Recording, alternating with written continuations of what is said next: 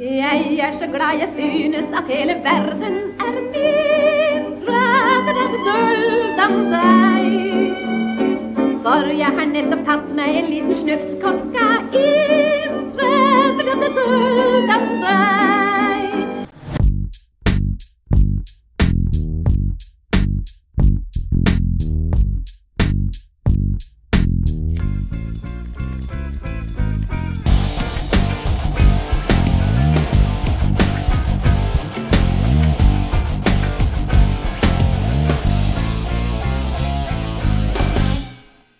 Yes, da var vi tilbake nok en gang i dette koronabefengte samfunnet som vi alle prøver å høste det beste ut fra.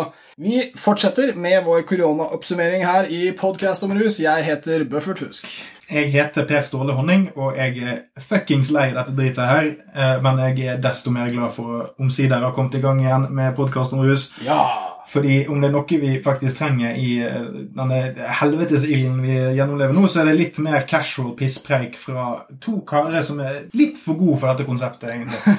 Content til dere, kjære mennesker i deres eh, verdener med forhåpentligvis nok av tid til podcaster og andre ting som egentlig er litt kjedelige enn folk vil innrømme. Litt sånn dølt. Men ikke vår. Vi kjører på i vår leilighet som ikke er eid av en kjip utleier. Vi skal snakke om en sak som fikk litt oppmerksomhet for et par uker siden. Det gjelder den eh, nå kjent som veldig onde aktøren Heimstaden. Eh, Heimstaden er en eh, utleier i Oslo som eier veldig mange leiligheter. Det viser seg å være et selskap som er basert i Nederland, hvis jeg husker dette riktig. Det er, Så det er, ikke, det er faktisk ikke heimstaden. Det er jo de har et norsk navn. Hva, hva er heim og sted på, på nederlandsk? De heter Heimstaden i hele Europa. Oi! Yes. Oi! Mm, de valgte et norsk navn. Oi, oi, oi. Det så, det, så, så, så det er ikke sånn Holmenstaden? Nei, og i Norge så er det Fredensborg Eiendom som tar seg av oppdragene for Heimstaden. Så de har en eh, deal der, så de overlapper fullstendig. Så Fredensborg Eiendom er kjent som de kjipeste aktørene i Oslos utleiemarked, og har nå fått seg et slags nytt navn. Det var sikkert smart av dem. Den denne saken her gjelder, for de som ikke er kjent med den, det er at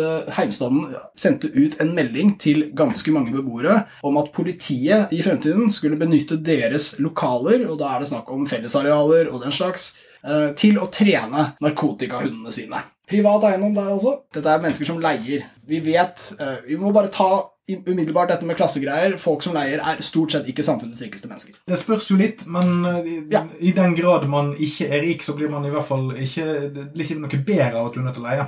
Nei, stemmer. Og ingen form for klassekritikk fra meg mot disse beboerne. Mm. Men leilighetene Heimstaden har, er stort sett ikke av luksustypen heller. Nå skal jeg ta litt uh, sitat fra meldingen som Heimstaden sendte ut til sine, mange av sine beboere. Ikke alle, men noen. Uh, Virker å være basert på hvilke gårder det gjelder. Det er altså, eh, kjære beboer slash leietaker, Heimstaden har nylig inngått et samarbeid med politiet i Oslo. En av hensiktene med samarbeidet er å gi politiet flere øvelsesområder for sin hundepatrulje. Eh, Det står ikke noe om narkotika her, så det kan jo være snakk om flere typer hund. De driver også med andre former for søk. Men eh, når det er snakk om små bygårder, så regner jeg med at de ikke skal liksom søke etter samme personer og sånn. Jeg hopper til slutten av meldingen fra Heimstaden, hvor det står vi ser meget positivt på dette samarbeidet, da det er med på å skape en ekstra trygghet for deg som beboer, samt at vi sammen hjelper den viktige samfunnsaktøren som politiet er, ved å gi de arealer å trene på for å kunne bli enda bedre i sitt daglige virke. Der vil jeg kjapt legge til at politiet for øyeblikket bygger et stort treningsområde utenfor Oslo som koster mange milliarder kroner.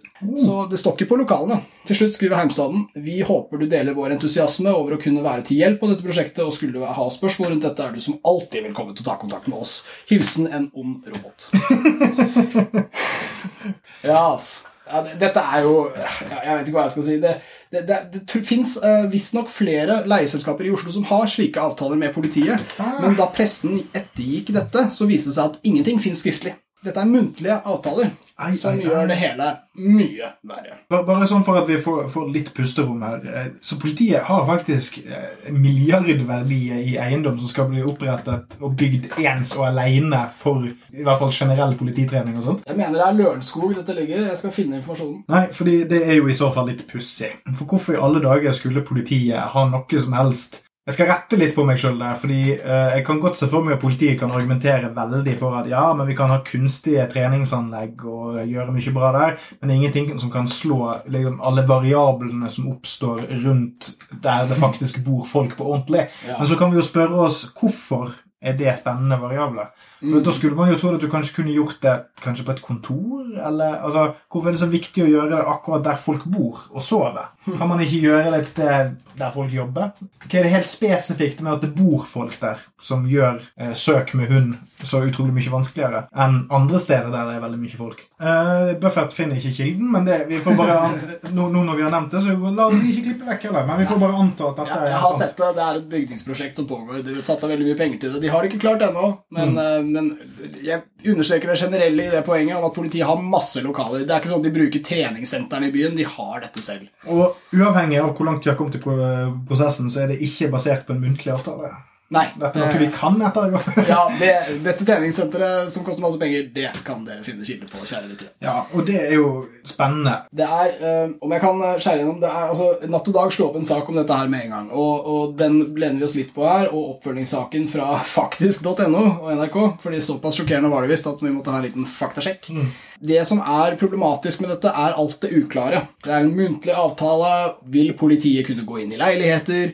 Det er, det er uklart, eh, og, folk er jo stressa. Eh, Natt og Dag har snakket med en beboer som har gode argumenter. Altså Han er, som han sier, jeg er ikke keen på å ha politiet inne i mitt bosted selv om jeg er en lovlydig borger. Eh, Han sier at han holder seg i oppganger, vaskerom og kjeller stadig daglig, selv om det ikke er hans private område. Hvis det er noe hasjlukt der, og han får markert det på seg, vil de dukke opp i hans leilighet. Alt dette er uklart. ikke sant? Og det som skjer da, etter Natt og Dag sin dekning, det er at Å nei, nå kommer snuten og tar oss.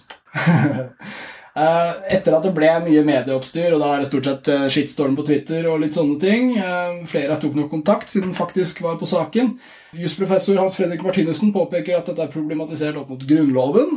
Eh, vi har et par rettigheter der vi bor, stort sett. Private sfære. Menneskerettighetskonvensjonen eh, artikkel 8 viser at man skal ha krav for respekt for sitt hjem og privat sfære. Husransakelser skal bare gjøres i kriminelle tilfeller. Når Heimstaden ble kontaktet av faktisk.no, så svarer deres kommunikasjonsdirektør, og jeg kan ikke understreke nok at dette er en tittel du får fordi du er han som skal snakke klart på vegne av selskapet. Du er så god i kommunikasjon at du ble direktør, basically. Ja, du fikk flosshatt monokkel, og nå Ja. sitter du her og kommuniserer. Jeg har aldri sett en så dårlig kommunikasjonsjobb som fra denne personen, som har sendt ut dette privat til masse folk, som da lagt det til media, hvor de da først ikke kommenterer det. Når de kommenterer det, så bekrefter de at teksten stemmer. Kan jeg bare skyte inn at uh, Ja. så vidt jeg vet, så er ikke direktør en beskyttet tittel? Nei, for all del, men, men de har bare én Ja. uh, kommunikasjonsdirektør, vil jeg anta. Uh, så han blir deres head chief of communication. Hva er spørsmålet om det gjelder mange bygårder, så er kommunikasjonsdirektøren at i tillegg til å bistå behovene til denne patruljen, har intensjonen med samarbeidet vært at det også er positivt og forebyggende tiltak og skape trygge og gode nabolag. Det er ikke et svar i det hele tatt. De som planer ikke å slippe hunder inn i leiligheter. Nei, men Så hyggelig, da. Dere har ikke lov til det heller. Men eh, det stemmer ikke, sier han til en påstand ingen har. Det han til slutt sier, etter å ha blitt henvist til Grunnloven og litt annet, er at vi har besluttet at vi sannsynligvis ikke kommer til å gå inn i et slikt samarbeid fordi det skapte såpass mye reaksjoner. Ja. Og der henger den dritten i lufta fortsatt. Vil dette skje eller ikke? Kommunikasjonsdirektøren har gitt oss et vagt kanskje. Jeg, jeg er ekstremt oppgitt. Politiet er ikke noe bedre. Når de blir spurt om dette her, så kommer faktisk med noen gode spørsmål. Politiet sier hvis vi finner noe, kan vi ikke se mellom fingrene på det. Så da blir det opprettet en straffesak på det. Så blir det en vanlig etterforskning. Da spør faktisk vil man kunne gå inn og ransake leiligheter om hundene markerer. Og hør på det uklare i formuleringen. I de fleste tilfeller vil vi ikke gjøre noe slikt. For det er ikke på den måten det trenes. Hun forklarer senere at treningen er lagt opp slik at eh, de sjelden finner noe. Eh, Og så understreker hun at de må få trene i autentiske områder. ja. Så vi sitter da igjen med at det kan hende politiet kommer. Hvis de kommer, så vil de trolig ikke gå inn, fordi det skjer sjelden. Eh, Jeg syns synd på alle som leier av Heimstaden. Eh, Jeg syns synd på, på alle som ikke har et hjem der de kan være helt sikre på at de som eier hjemmet, har gitt politiet eh, hjemler som bryter Grunnloven. Ja, for du, du kan trekke dette på litt forskjellige måter. Jeg skal, jeg skal gå litt videre med det. Men bare den tingen med altså, La oss bare starte ditt klasseperspektiv. Ja. Bare ideen om at øy, vi lever i en økonomi som gjør at faktisk det er vanskeligere å komme seg inn på boligmarkedet for veldig mange. Jeg vet om folk som er det man ville sagt ressurssterke, som sliter med å komme seg inn på boligmarkedet, Ja. selv med høyt, høy utdannelse og god jobb. og alt, Absolutt. Bare av sånne marginer som er satt på plass. Så, så helt uavhengig av sosial status, så er det noe litt stygt med at du ikke har makt over dine egne vegger. Bare ideen om at du ikke har kontroll på hvem som banker på døren. Hvem som kan komme på døren og høre 'Unnskyld meg, hunden vår merket noe rart utenfor her'. Kunne vi kommet inn og tatt en kikk? Jeg ville ikke sluppet en nabo inn på det premisset. Hvorfor i alle dager skal jeg bare legge meg ned og godkjenne at det er bare fordi det er politiet som gjør det? Er det greit? Altså Det å ikke kunne bestemme sine egne det, det du, du, kan, du, kan, tenke på leiligheten din som en uh, Om du eier den sjøl eller ikke, så er det en del av din intimsone. Mm. Det er faktisk altså Alle har en intimsone på rundt en meter rundt kroppen. Og da kan vi òg tenke at kanskje vi skulle hatt en intimsone fra bare omverdenen minst et par meter fra døren vår. Mm. Som vil involvere kontroll på hvem som kommer utenfor døren vår og sjekker ting. Ja. Så, så, bare på det planet der syns jeg det er flott at folk som uh, ikke kriminelle reagerer ja. positivt. ikke sant? Eller negativt, eventuelt. Ja. Og så er det det sekundære. Det er jo den her greien med at eh, ja, vi skal jo bare trene, men vi kan ikke gjøre nok uh, altså, hvis, altså, Vi er jo politiet. Vi kan jo ikke bare se mellom fingrene hvis vi mistenker at hundene våre har markert på narkotikafunn utenfor en dør. Mm. Og da må vi jo følge etter. Det, det, åh, det er ikke forholdende. Jeg er enig, og, og det, jeg syns det er veldig ugreit av Heimstaden å trekke frem holdt på å si, samfunnsansvar og sånt noe når de, når de argumenterer for dette. Den viktige samfunnsaktøren som politiet er. Mm. Ja, tusen takk for det. Men altså, hvis du er, driver en bedrift, så må du være med på, på, konsensus i normen om rus. Og det er at liksom all narkotika er ille. Jo før samfunnet blir ferdig med det, jo bedre. Men samfunnsansvar for en utleier handler kanskje også litt om å forstå kultur og mm. mennesker som bor i leilighetene. De fleste av de flere tusen leilighetene eh, Heimstaden eier i Oslo, ligger i indre Oslo by. Mange av dem er billige. og Menneskene som bor i indre Oslo by, de bruker mer rus enn mange steder i landet. Ofte bruker de også det som er ulovlige rusmidler. Så når de da skriver at uh, vi regner med at du som uh, beboer vil uh, like dette mm. flotte tiltaket som gir mer trygghet, så enten så vet de ikke om at de har beboere som f.eks. røyker hasj i leilighetene deres. Eller så kunne de tenkt seg å bli kvitt dem. ja, nettopp. Eller så driter de i det, og da er det nettopp den mistanken der som dukker opp, at de rett og slett har lyst til å sanere mm. beboerne som har leilighet. Ja, og så vet vi ikke noe om hva eventuelt politiet betaler for dette. Men de gjør det nok ikke gratis. utleierne kan jeg tenke meg. Det er jo i hvert fall en symbolsk sum. det er snakk om. Altså, Denne avtalen er så absurd at det faktisk er uklart hvem som betaler hvem. Ja. Altså, Har politiet leid treningslokale, mm. eller har Heimstaden betalt for en form for sikkerhetstjeneste? Eh, det er faktisk uklart. Eh, eller er alt gratis som en slags win-win? Ja, altså Poenget ditt her nå er ikke nødvendigvis at, at vi skal være konspiratoriske. eller noe sånt. Nei. Men det er det at det foreligger ikke nok fakta mm. til at vi kan egentlig konkludere den eller den, ja, eller den andre veien. Det stemmer. Eh, det ligger ikke noen form for beviser om noen form for betaling, så egentlig bør vi nok anta at alt er gratis her, og at det ses på som en slags win-win. At Heimstaden får noe ut av det, og politiet får noe ut av det. Men når det er sagt, så, så er det fremdeles uh, forståelig at politiet ønsker dette, og veldig lite forståelig at Heimstaden ønsker dette. Hvis Heimstaden har en egeninteresse, så er det vanskelig å se den som noe annet enn dette med eh, en form for hygiene blant beboere.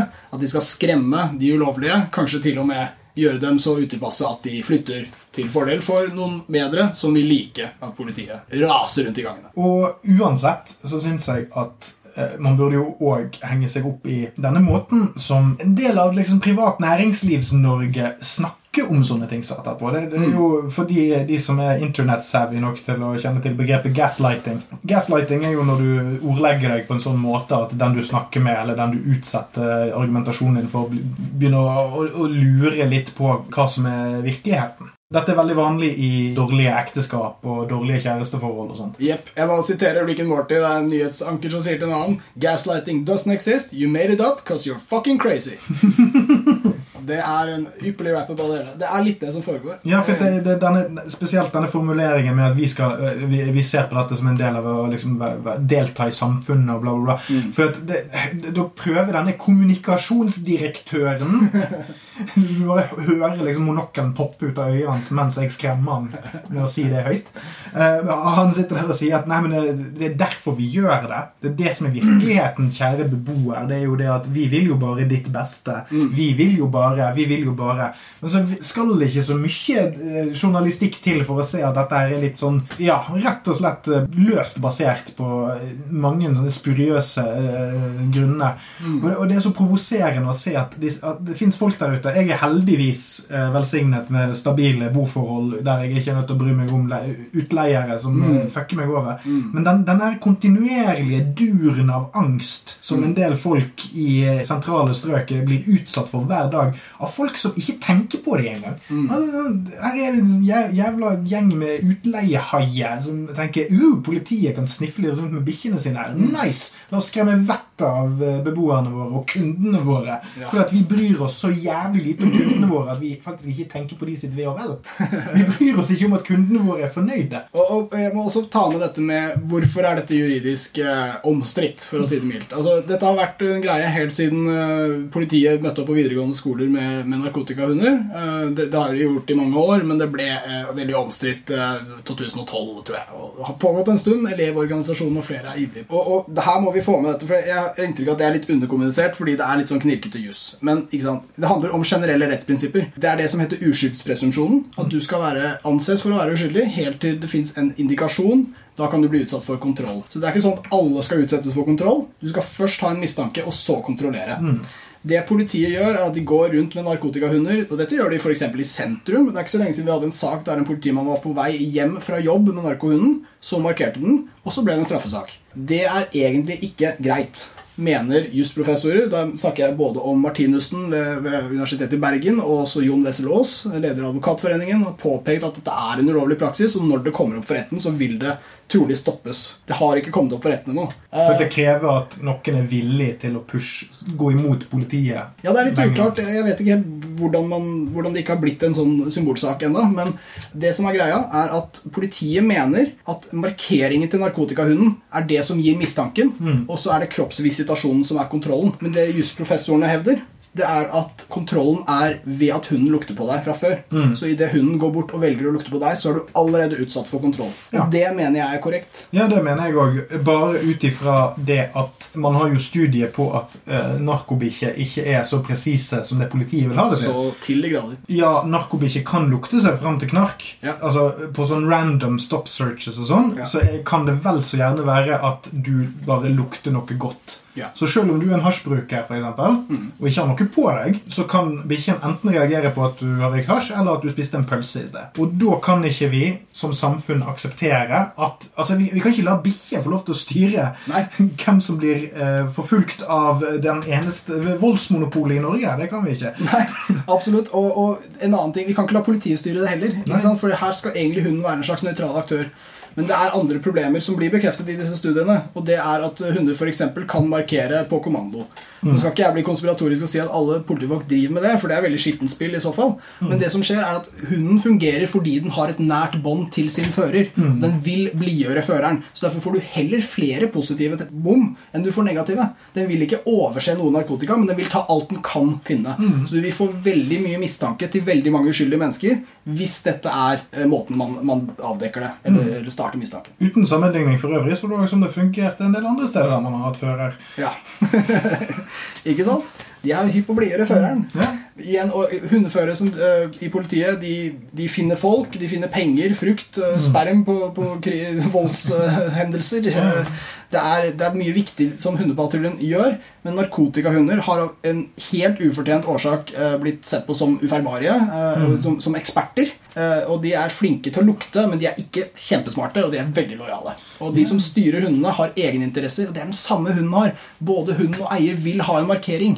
Og da er det ikke så jævlig viktig egentlig om det er noe narkotika der. Alltid. Nei, og så det, det blir litt som å skyte noen i kneskålene og så si Ja, fordi Pistolen markerte på deg, så åpenbart fortjente du det. sant? Og sjekke det blodet. Ja, altså sånn, Størrelsesforholdene er litt forskjellige, men det, det, er et, et politiinstrument som har oppført seg altså hvis, hvis, hvis hun er en forlengelse av eh, polititjenestemannen, så er det politiet som er eh, den aggressive part hver gang en hund markerer tilfeldig. Ja. vil jeg si. ja Fordi, fordi politiet bør ha en mye mer eh, Eller bør ha mer kontroll på når de faktisk er på jobb. Mm. Når er det jeg gjør samfunnsoppdraget mitt? Er jeg på jobb nå? Eh, Det, det burde jo politiet generelt sett være. Sånn, er, jeg er på vei hjem fra jobb. Skal jeg være politimann nå?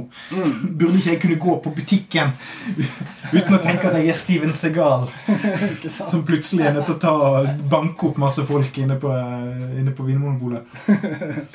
Men i likhet med en sak vi snakket om på forrige episode med, med dette med ressursbruken og Riksadvokatens direktiv angående bruk av narkotika, så er jeg fortsatt litt frustrert over liksom forholdet mellom uh, politijurister og patruljerende politi her. Uh, fordi det er juristene som legger føringene. De som patruljerer, de, de er ikke advokater. Og det er for så vidt greit. ikke sant? Men, men alt folk reagerer på med denne saken, er prinsipielle ting. Det handler om jussens liksom, formål og rammeverk. Så, så egentlig er det når, vi da altså, den, NRK via faktisk.no spør, det er altså hun som heter Gunn Anita Bjørnbakk i Oslo politidistrikt. Hun er da leder for hundetjenesten. Hun er ikke jurist. Ikke? Hun blir stilt om prinsipielt spørsmål. blir spurt hvorfor tror du folk reagerer så sterkt på dette prinsipielt, og så svarer hun for at hundene skal få trening vi trenger, må vi trene i slike områder. Det er nødvendig at de er autentiske. Det var ikke det denne saken handla om. Vi snakker om det prinsipielle. Bør du kunne bli banka på døra av politi som sa vi var her tilfeldig, og nå skal vi inn og sjekke leiligheten din? Det er så irriterende å ha prinsipielle debatter i media som handler om politiets virke, og så snakker vi med politiet etterpå, og så har de ingenting å si om det. Og det kommer til å gjenta seg. Hvor er politijuristene? Hvor er dere politijurister? Kom fram! Ok, vi flytter oss videre. Vi skal til en annen restriktiv gjeng. Vi snakker ikke om en eh, samfunnsinstitusjon med voldsmonopol, vi snakker om en nasjon. De heter Sverige. Sverige er gærnere enn ever. Eh, vi er stadig innom dette skrudde landet i øst eh, på vår podkast. men og grunnen til at vi er det, er at Sverige er krigen mot narkotikas hjemland i Skandinavia. De er kjernen og, og hovedstaden. De er på en måte både Norges canadiere og meksikanere. Ja, De kvittet seg med adel og fikk en narkoadel eh, som, som styrer med hard hånd. Og, og det jeg skal si her, altså I Sverige så har de hatt den samme narkotikakrigen som i Norge, men de har hatt sterkere virkemidler. Blant annet har det vært slik at Hvis du blir tatt for bruk, så må du levere urinprøve ganske jevnlig for å bevise at du har sluttet med bruken. Klassiker. Så de er ivrig på antibruk. eh, Jobb mot bruk. Forebyggingen deres er av en eh, ganske aggressiv eh, type. Hvis du ser et politiprogram, så får du ofte inntrykk av hvordan politiet opererer, og da har de et kamera med seg og viser seg ofte fra sin beste side. Og i Sverige så er det komisk nesten hvordan disse politiprogrammene handler bare om å plage ungdom i fattige strøk som har noe marihuana i lomma si. Og som har en litt pussig dialekt. Ja, og som alltid, alltid sier sånn 'Hvorfor, mannen? Du plager meg. Hvorfor?' og, og det politiet alltid kommer til, er liksom sånn 'Du vet det er ulovlig. Det er ulovlig.' Og det du ser på, er en dialog som går til helvete. Du ser unge mennesker få et vanskelig forhold til politiet, og du ser mafiaer bygge seg opp i marginale områder fordi de får penger mellom hendene for første gang ofte, og de er villige til å slåss for det. Ja, og med noen få justeringer så kunne jo dette vært den langlivde TV-serien Cops, som nå har blitt kansellert pga. Black Lives Matter. Det var en svensk film som het Kops med K, OPPS. Ja. Husker du det? Ja, Det handlet om eh, at de måtte få opp eh, krimstatistikken, sånn at det lokale lensmannskontoret ikke skulle bli lagt ned. Det er spinnvill, ass. Så han for et par år siden. eh, Holdt seg greit? Ja, holdt seg. Ja, ikke verst. Vi skal snakke mer om eh, at, at det går liksom dårlig med det svenske samfunnet generelt, og, og definitivt prøve å linke det til den narkotikapolitikken deres. Eh, Men før det går når dere stjeler Jämtland og Herjedalen. ja, da få tilbake med en gang. Når det er sagt, vi tar narkotikadelen først. Jeg refererer til en nyhetssak fra 3.9. i SVT.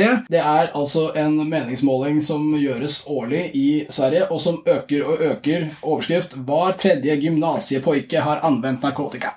Det var den uh, uslupne uh, Cornelis Vresvik-sangen. Ja, Den demoen han Flott vise det. det gjelder gymnasiepoiker, dette her. Vi får anta at det er litt skjønnet uh, statistikk. Men det som er poenget her, er at nå er det altså 32% av uh, gymnasiepoiker som sier at de har brukt narkotika. I 2018 var det på 30% Det har også økt før 2018. Altså Sverige er det landet i Skandinavia som bruker desidert mest penger på narkotikakontroll. Fordi de har så mange type tiltak. Eh, og det er eh, godt brukte penger, som vi ser. Eh, når det kommer til ungdomsbruk og frekvens, så er det på en måte gullstandarden i forbud. Hvorfor skal det være forbudt? Fordi ungdommen, fordi barna og deres bruk, de må debutere sent, de må røyke lite. Det er stort sett cannabis, jeg sier røyke. Det går dritdårlig. Ingen land har en sånn økning blant ungdomsbruk som Sverige har, og ingen har brukt mer penger på å stoppe det. Og så går vi videre til eh, hvordan det går med lovverket deres. Fordi vi har en rusreform på trappene i Norge. Den har inspirert Sverige òg. De har rett og slett kommet seg til det nivået at de vurderer å snakke om det. Eh, Vurdere å sette ned en kommisjon som Ja. skal skrive en rapport om det er verdt sånn samfunnsmessig risiko. å Ja. snakke om det. og ta en debatt. Ja. Eh, de Vi må tørre å snakke om og vurdere å ta debatten. Vi overdriver, men det er altså ingen rusreform på trappene i Sverige. Det er ikke som om de er i ferd med å opprette et utvalg eller noe sånt. Så de, de blir sist i Europa, tror jeg. Det som foregår i Sverige, er lokal politisk utvikling, f.eks. som i Halmstad len. Som det visstnok heter. Der er det et lovforslag på trappene nå fra 16.9., skrives det om i SVT. Halmstad kan innføre drogtester på gymnasieskoler. Og det handler om at rektorer på videregående skoler i eh, Halmstad skal kunne innføre tilfeldige urinprøvekontroller av sine elever. Hvis elevene nekter å delta på dette, så har rektorene da mulighet til å utvise elever. Det er så jævla fucking spinnvilt. Dette er så dumt. Og ideen om at det her kommer til å hjelpe Ja, åh. eh, Nå blir vi kvitt. Ja. Det. Dette er det vi mangler. Ja, for Det er jo ikke sånn som at, at du da ender opp med å radikalisere 40-50% av elevmassen som ikke har vært borti det engang. I beste fall så ender du opp med å oppdra en hel generasjon med tenåringer som hater snuten. Og hater autoriteter og hater politikere. Fordi veldig mange vil da bli utsatt uten å ha gjort noe som helst med at staten kommer og sier vi har rett til å bare kreve inn dine kroppsvæsker uten mistanke. Ja. Bare i egenskap av den du er. Hvis de hadde sagt altså, nå, nå er det bare det at det er tenåringer, eller, eller videregående elever. sant?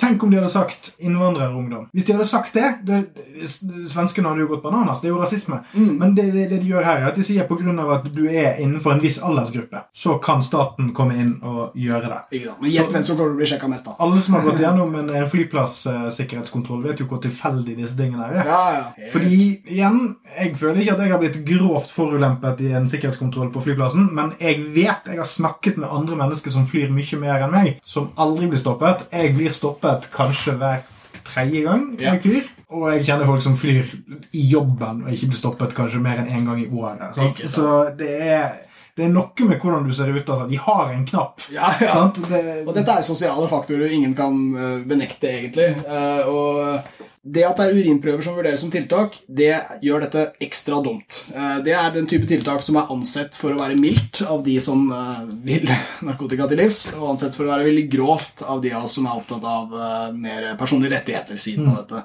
For det å klemme kroppsvæsker ut av folk og kontrollere om de sier sannheten ved å analysere den væsken, det er ingen bagatell. Og det er autoritære trekk ved den skandinaviske modellen, vil jeg si. For at man har en tendens til å se på folk som Ja. litt sånn statens eiendom i Ja. noen tilfeller. Ja, og folk har dessverre en lei tendens til å støtte slike tiltak også, så det har gehør i befolkningen, dessverre. Men uh, det jeg vil understreke, er at det fins ganske god empiri. Dessverre er det sosialvitenskap, så ingen bryr seg.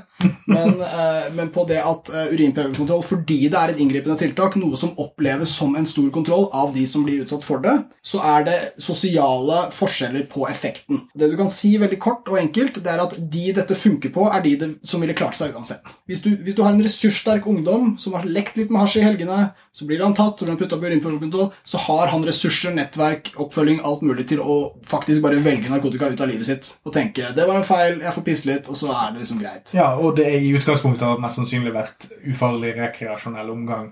Som han ikke ville hatt problemer med senere. Ja. Mest sannsynlig. Og, og jeg trenger ikke å karikere den motsetningen så veldig mye. Jeg trenger Nei. bare å ha en litt radikal ungdom som bor på et, litt, et sted hvor folk er litt fattige og har et litt leit forhold til politiet. Kanskje en annen etnisitet. Kanskje føler seg litt urettferdig behandlet. Hvis de her blir utsatt for urinprøvekontroll, så har det null positiv effekt. Det har en kjempedialogbegrensende effekt. Disse ungdommene som blir utsatt for dette her, føler at det er kjempeoverdrevet, kjenner at det er kjempeubehagelig.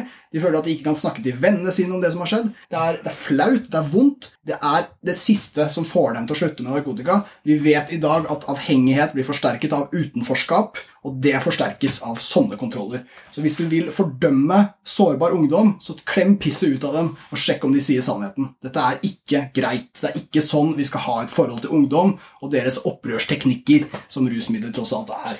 Eh, Så Sverige, skjerpings, altså. Og så skal vi over til en eh, norsk godgutt som òg har fått litt klemt ut av seg i det siste. En, som svenskene kjenner godt. Eh, Det blir en litt brå hver gang, men eh, jeg, jeg tenker at det Vi er kjører fort Vi over til neste sak. Segway, baby. Er, som eh, oppvakte lyttere som har god hukommelse, eh, kanskje fått med seg at vi snakker om en skiløper her. En som er vant til å holde høy hastighet i sporet. Har også gjort det på veien. Northug. mye erfaring med snø. Ja. det er uendelig morsomme metaforer. The Snowman. Eh, han eh, godeste Petter Northug var på vei fra skiskole på Geilo da han ble passerte en eh, litt tilfeldig politibil, viser det seg, i noe som over 200 km i timen. halvveis fra lysets hastighet. Det som er interessant her, er jo det faktum at Northug ble tatt med 40 000 kroner i cash. Som alltid er litt interessant. Han hadde vært i utlandet og vekslet de, så den var jo grei. Hjelper litt å være kjendis, for han har jo masse penger. Hva var det Eh, vekslet i? Til norske kroner fra andre penger som ikke ble brukt der nede. eller noe sånt da. Der nede? Hvor var det? Spania. Ja. Okay, Så, så han har vekslet det til norske kroner før han kom tilbake fra Spania? Jeg vet ikke, Han veksla 100 000 euro og brukte bare 60 eller noe. Jeg, jeg aner ikke. Hvor mange strippeklubber skal du innom, Northug, hvis du trenger 100 000 i cash? Hva endte det å bare bruke 60, da? Jeg, jeg vet ikke. Jeg, jeg spekulerer og skjønner ingenting av hans verden. Altså sånn, eh, sånn nå, nå er, vet vi jo det at nå, nå er jo eh, Bertheussen-saken på vei til å dø helt ut fordi at vi er litt eh, ting har gått sin tid. Men vi vet, vi vet jo alle det at selv om vi ikke tar deg på fersk gjerning, så er det jo fremdeles det at hvis det er dritt på teppet, og bikkjen sitter rett ved siden av Du har ikke sett at bikkjen driter der, men det er veldig få andre mistenkte. Kan være at det Ja, var den. Sånn, Så litt som Laila med tusjene sine og rasisit og sånn, så, så er det sånn hm, Avdanket skistjerne, partygutt, veldig glad i eh, fart og spenning. Vært i utlandet, 100 000 spenn, har 40 000 i hanskerommet. Ja, Blir tatt i 200 km i timen. Hva er det du skal bruke de pengene på, Petter? ikke sant? Og nå skal, jeg, nå skal jeg stille oss spørsmål, skal jeg besvare mine egne spørsmål. Ble Northug forskjellsbehandlet? Eh, og der er det på en måte litt ja. altså Blir du tatt med 40 000 i bilen, så blir det ofte mer oppmerksomhet på det, men det hjelper å være rik der. som forskjellsbehandling. Men mindre avisoppslag, kanskje? Ja, ja det ble en bagatell i denne saken, og det er sikkert helt greit. altså. Men uh, vi vet jo at i, i møte med folket så er folket mer tilgivende overfor en nasjonal helt. Så, så den sosiale siden den vil han absolutt få. Men det som skjedde her var at politiet mistenkte at han hadde kjørt i påvirket tilstand, og valgte derfor å ransake hans bolig. Det er noe de har hjemmel til når de har en konkret mistanke om det, f.eks. ved store pupiller eller en annen indikator. Men de hadde egentlig ikke det. Pengene kan ha hjulpet. Ja. Cashet kan ha hjulpet. Men de valgte å ransake boligen til, eh, til Northug i Trøndelag. Eller, nei, unnskyld, jeg husker ikke hvor boligen var. Oslo. Kanskje Oslo. ja. Det Ja, mener jeg, Oslo. Sorry. Eh, men uansett, de fant 10 gram kokain der. Det hadde de da egentlig ikke hjemmel til å gjøre, fordi han var jo ikke påvirket, og egentlig hadde de ikke noen indikator der. Men der fikk ikke Northug noen forskjellsbehandling, for det er sånn som skjer med vanlige folk. Ja. Eh, Politi går inn i huset ditt når de tar deg for et eller annet. Og med tanke på alle de tingene vi vet om hvordan politiet driver og oppfører seg, litt sånn ute blant folk flest, så syns jeg at dette var koselig, nesten. Det var sånn det pleier Altså, å være. altså sånn Vet du hva, her, her har politiet faktisk sånn, Når det kommer til sånn politiet sin ryggmargsrefleks, så har de jo hatt helt rett. For en, for en gangs skyld. Så er det sånn Ok, vi har funnet en jævlig twitchy fyr som filmer seg sjøl mens han kjører i 200 km i timen. Han har 40 000 kroner i bagasjerommet. Vi vet ikke om han er ruset, men vi kan jo gjøre altså, Det kan hende. ja, Det kan Det hende. kan hende. Ja, jeg ser den, altså. Og, altså, jeg vil faktisk si altså Northug har egentlig ikke fått forskjellsbehandling. Han har i hvert fall fått den fulle støyten, og kanskje ekstra litt mye fordi han er kjendis. og sånn Men, men politiet har ikke, har ikke gitt ham noen uh, merkbar forskjellsbehandling. Uh, men da går vi til neste spørsmål. Er Petter Northug en dealer?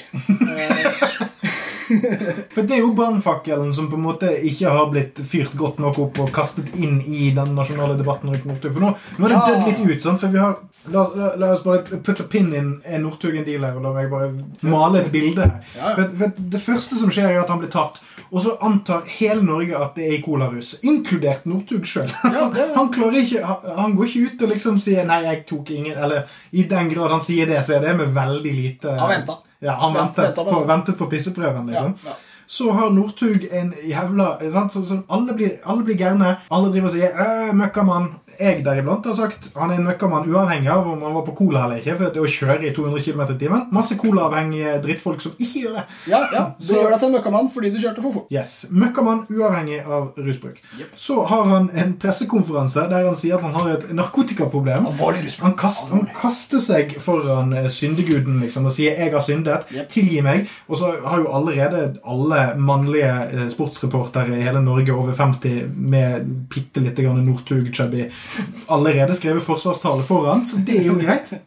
Og så kommer disse pisseprøvene tilbake igjen, og så får vi vite det at nei, han var ikke ruset likevel. Ja. Så Northug har jo på en måte sånn sett blitt litt fucked hvis han bare hadde ventet og kjørt litt sånn Trump-fornektelse. Så han kanskje sluppet litt billigere unna.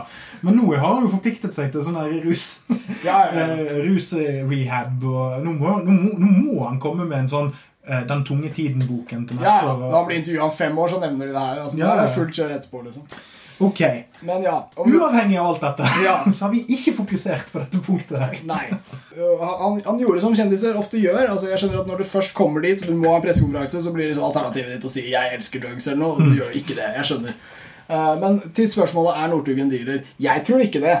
Men når det er sagt, så har jeg noen nyanseringer å komme med der. Så Altså, du har køddet litt med pengestørrelsen. Ja, Jeg tror ikke det er narkopenger. Jeg gjør faktisk ikke det. Men det jeg mener her, er at hvis du Han har allerede sagt at han er veldig glad i kokain. Vi vet at kokain er veldig dyrt. Eh, kokain er ofte noe man ikke bruker alene. Eh, kokain er ganske sosialt, brukes ofte på fylla. Så man vil gjerne bruke det med vennene sine. Folk som har mye kokain, deler det. Og de gir det ikke gratis til vennene sine. Og Nei. da er du faktisk en dealer. Det der er litt sånn spesielt. Så det er ikke det at du er han er så rik at han ikke dealer. Det argumentet funker ikke fordi folk deler coke. Og de gjør det Men ikke det han, gratis. han, kan, han kanskje kjenner veldig mange folk som er veldig glad i coke, og han Ja. vil ikke bare gi det vekk gratis. Nei. og jeg vil ikke nødvendigvis antyde at, Coke, eh, at, at Northug er en dealer, for jeg tror han basically er en bruker, og at det er vanlig blant brukere å dele litt, sånn at du kan touche den delen av lovverket. Så det vi egentlig er inne på her nå, er hvorvidt eh, burde lovgivningen eh, være så streng på hva som er og bruk og besittelse til eget eh, forbruk. Yes, sir! Veldig bra. Og der er, det også noe som er spennende. Fordi du husker Rusreformutvalget, ikke sant?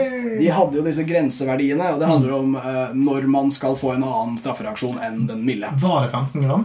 Eh, nei, eh, de har foreslått fem gram. Ja. Eh, Per i dag så ligger den på rundt 1, tror jeg. Rundt 1 gram. Da får du forelegg. Over 1 gram så blir det en mer alvorlig sak. Eh, Og hvis jeg husker det, så var det sånn at det mindretallet i utvalget ville vel at det skulle gå opp til 1 til 2 gram. Fra 1 til 2. Og så ville flertallet at det skulle være opp til 5. Og i Danmark er grensen fem allerede. Bare for å nevne det. Uh, Under fem gram eh, kokain i lomma, forelegg. Over straffesak. Og hva var det Northug ble tatt med? Northug ble tatt med ti gram. 10. Uh, det har vært massivt kritisert Rusreformutvalgets grenseverdi. Det var særlig det med kokain som ble trukket fram, fordi fem gram kokain faktisk er veldig mye. Men grunnen til at de i utvalget valgte det, det var ting som at uh, selv om kokain er en lav toleransebygger, så er, den det, så er den det faktisk, fordi folk gjør det ofte. Store brukere de trenger ganske mye. Så fem gram kokain er veldig mye for en som gjør det sjelden, og veldig lite for en som gjør det ofte. Når Petter Northug da blir tatt med 10 gram, og hele befolkningen nå, var ikke de så engasjert, men la oss si hele befolkningen reagerte på 5-gramsgrensa, og så blir han tatt med 10, da skulle han automatisk vært vurdert som en dealer. Egentlig. Egentlig. Hvis grensa ligger der sånn allment. Og der er det egentlig kanskje kjendiseffekten som kommer inn. Ja, men han kan ikke være dealer når han er kjendis, når han er rik. Men han hadde likevel den grensen som alle syns er dealer. Ja, og, og det, kanskje det er fordi at disse sportsjournalistene blir ekstra lei seg av å tenke på at en avdanket eh, sportshelt skal sitte der og få ting til å gå rundt med å selge litt til kompisene sine og sånt. Men jeg, hva er det Northug ellers tjener penger på? Det var disse solbrillene. Ja, eh, det var disse sponsoravtalene som han kanskje ikke har så mye lenger. eh, Ja, sant, hva, hva er det? Altså, jeg skjønner jo at han har penger, men altså, rekker det til alt? Altså, Bidra på eh, tidsklemmen er jo reell han. Jeg tror ikke han kjørte 200 km i timen. Han måtte jo rekke noe. Men, men uansett, altså, nå er det lenge siden jeg har sjekket gateprisen for et gram, men rundt 1000 kroner for en, en ganske grei kvalitet ko kokain er vel Ja, Så det er uansett 40, det er 40, minst 40 gram han hadde penger til å kjøpe Ja. som er til eget bruk, så er det, det er jo en god stund han skulle da bruke det, i så fall. Ja. Hvis vi antar at de pengene var til det. For hva ellers skal du bruke 40 000 kroner på som du har i en bil? Nei, det var jo dette med cash i 2020. Ja, mistenkelig. Nå er jo vi veldig for i denne podkasten at vi må få lov til å fortsette å være usporbare for eh, stormyndighetene, da, men det er jo nok en helt annen debatt. Ja, og kjapt skyte inn der at eh, det er faktisk en essensiell del av samfunnssikkerheten at staten har nok cash. Mm. Eh, så staten har store lagre med cash eh, som de har trykket opp, som bare ligger der. Og de holder en del i omløp på grunn av at hvis det digitale betalingssystemet ryker, så skal vi ha en backup. Ja, Og det er jo viktig å lufte disse sedlene Ja. i ny og ne, sånn at Sånn at de ikke mugner. Ja, ikke sant? Men det er eh, til alle dere der ute som tenker å, cash det er gammeldags. Vel, vi skal ha et trygt samfunn her, og jo flere som bruker disse jævla kortene, jo verre blir det den dagen alt ryker. Så sånn sett, Northug, deal. Dealer or no dealer? uh, nei, altså, jeg, jeg tror ikke Northug er en dealer, men jeg tror den uh, konklusjonen er basert på det folket tenker en dealer er. Eh, hvis vi ser på hvordan brukere som elsker coke, sånn som han har sagt han gjorde, får tilgang og deler med vennene sine, så er nesten alle storbrukere faktisk dealere i praksis når det kommer til lovverket. Så jeg sier ikke, og jeg, jeg mener oppriktig at man ikke skal legge dette på Peter Northug akkurat nå. Jeg det. Eh, jeg, vet det, eh, men det kan også ha vært en del av faktoren til hvorfor vi ikke valgte å pirke i absolutt alle sår. Altså Det var en røff pressekonferanse, og han har, har litt å styre med. Men, eh, men når andre folk faktisk får denne tynen for denne mengden, så bør ikke han slippe fordi han er kjendis heller. Han burde ikke slippe. Og jeg tenker jo at altså, sånn uavhengig av hva altså sånn narkotikarelatert her, så syns jeg at det er jo innenfor det mest altså, Alle kan jo havne der. Sant? Så det er jeg helt med på. Det viktigste å fokusere på her er jo det at Petter Northug er et rasshøl. Ja. Altså, Helt uavhengig av alt det han har gjort narkotikamessig. og sånn. Rasshøl. Ja. Kjøre dritfort, utsette folk for livsfare, Ja. eh, oppføre seg køddent, sende eh, utrolig nasty snaps som på et eller annet slags vis sprer seg i hele Norge uten at det blir plukket opp av eh, noe, noen som helst presse. Han er, eh, det går jo rykte om eh, både det ene og det andre med den fyren, uten at jeg skal dømme han for mye for det. Men det viktigste er rasshøl. Han, han var ra- rasshøl når han var eh, aktiv idrettsutøver. Han er et rasshøl nå. Ja. For meg virker det ikke nødvendigvis essensielt for hans rasshøloppførsel, denne coken. Altså, jeg, Om noe hadde kanskje gjort han til en bedre person. kanskje han hadde Kanskje han lyst til å dele med andre. Kanskje til og med det. Eh, la oss si at denne mannen fra Trøndelag aldri hadde møtt på kokain i hele sitt liv. Hadde han fortsatt kjørt i 200 km? Godt mulig. Og Derfor så handler denne saken mer om at uh, denne fyren oppførte seg som et rasshøl, enn at de fant 10 gram coke etterpå. Faktisk det viktigste å ta med seg. Og så får vi håpe at etter denne tunge tiden her, og med litt bearbeiding, og med, med god innsats fra både markedsføringsteam og jurister, så kommer kokain til å klare å komme seg ut av dette vanneriet Og slutte å bli assosiert med sånne dølle idrettsfolk og faktisk komme seg tilbake på, på den kule arenaen. Ja, ja, tilbake etter den tunge tiden. Vi ønsker kokain lykke til etter å ha fått all den negative oppmerksomheten. Ja. Eh, det kan være tøft. Yes, nei, vet du hva? Hold dere under grensene, folkens. Da gjelder både fartsgrenser og mengde i besittelse. ja og svenskegrensene, ikke minst. Ja, den må dere holde dere unna, for de er fulle av pest der borte. Takk for oss. Takk for oss.